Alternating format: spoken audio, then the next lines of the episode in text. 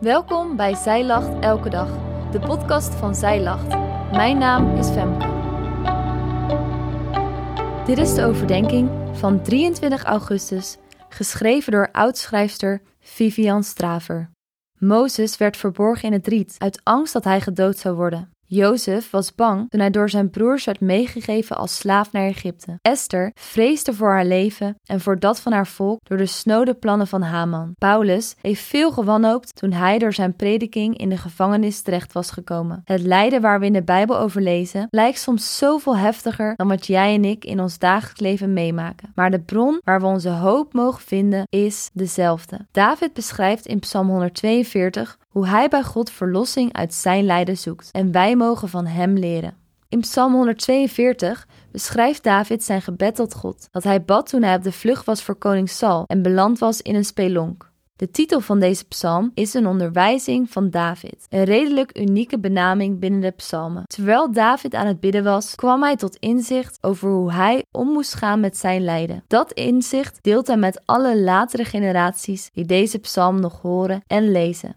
We lezen Psalm 142 in delen. En we lezen eerst vers 1 tot 3. Een onderwijzing van David. Een gebed toen hij in een grot was. Met mijn stem roep ik tot de Heere. Met mijn stem smeek ik de Heere. Ik stort mijn klacht uit voor zijn aangezicht. Ik maak voor zijn aangezicht mijn benauwdheid bekend. Hier in vers 1 tot 3 lezen we hoe David met zijn lijden bij God komt. We mogen weten dat God ons gevoel, onze gedachten en onze situaties kent. Maar toch komt David hier bij God en hij smeekt hem heel bewust met zijn stem. Heel nauwkeurig vertelt hij wat zijn angst inhoudt. We mogen hiervan leren dat het niet alleen draait om de dank en aanbidding die we mogen bidden tot God. We mogen onze diepste klachten en pijn bij Hem brengen. We lezen nog een stukje uit de psalm. Toen mijn geest in mij bezweek, kende U mijn pad. Zij hebben een strik voor mij verborgen op de weg die ik gaan zou. Op de momenten waarop David zelfs niet meer zijn gedachten op God gericht kon houden, God kende zijn pad. En een mooie les voor ons. Welke momenten of situaties er ook voorkomen en wanneer we afgeleid raken van God, we mogen beseffen dat God ons pad volgt en daar altijd al was, is en zal zijn. Een volgend stukje uit de Psalm 142. Ik keek uit, ik keek aan mijn rechterhand en zie, er was niemand die naar mij omzag. Voor mij was de mogelijkheid tot ontvluchten verloren.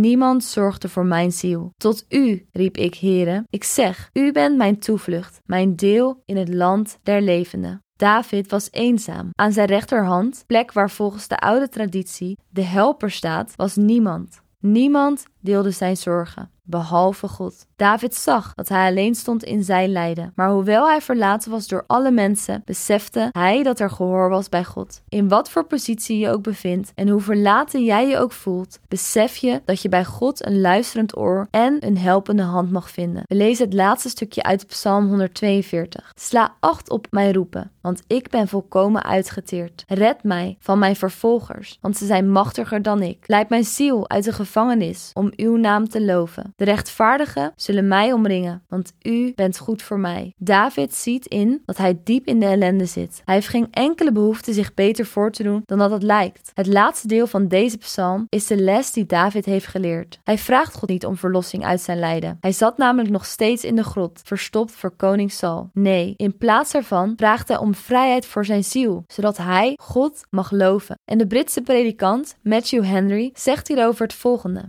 Voer mijn ziel uit de gevangenis. Niet omdat ik dan van mezelf en mijn vrienden kunnen genieten en gerust op mijn gemak zal kunnen leven. Nee, ook niet opdat ik dan mijn land zal kunnen bevrijden maar om uw naam te loven. Psalm 142 schrijft over de wanhoop en de hulpeloosheid die wij als mens soms kunnen ervaren. De les die David ons meegeeft is om al deze gevoelens in hun meest rauwe vorm bij God neer te leggen. In ons gebed om verlossing uit ons lijden moeten wij voor ogen houden. In ons gebed om verlossing uit ons lijden moeten we voor ogen houden, zoals Matthew Henry zegt, dat we in die verlossing God mogen prijzen. En de zegeningen die God ons geeft, geven ons de kans om Hem daarvoor te loven geloven.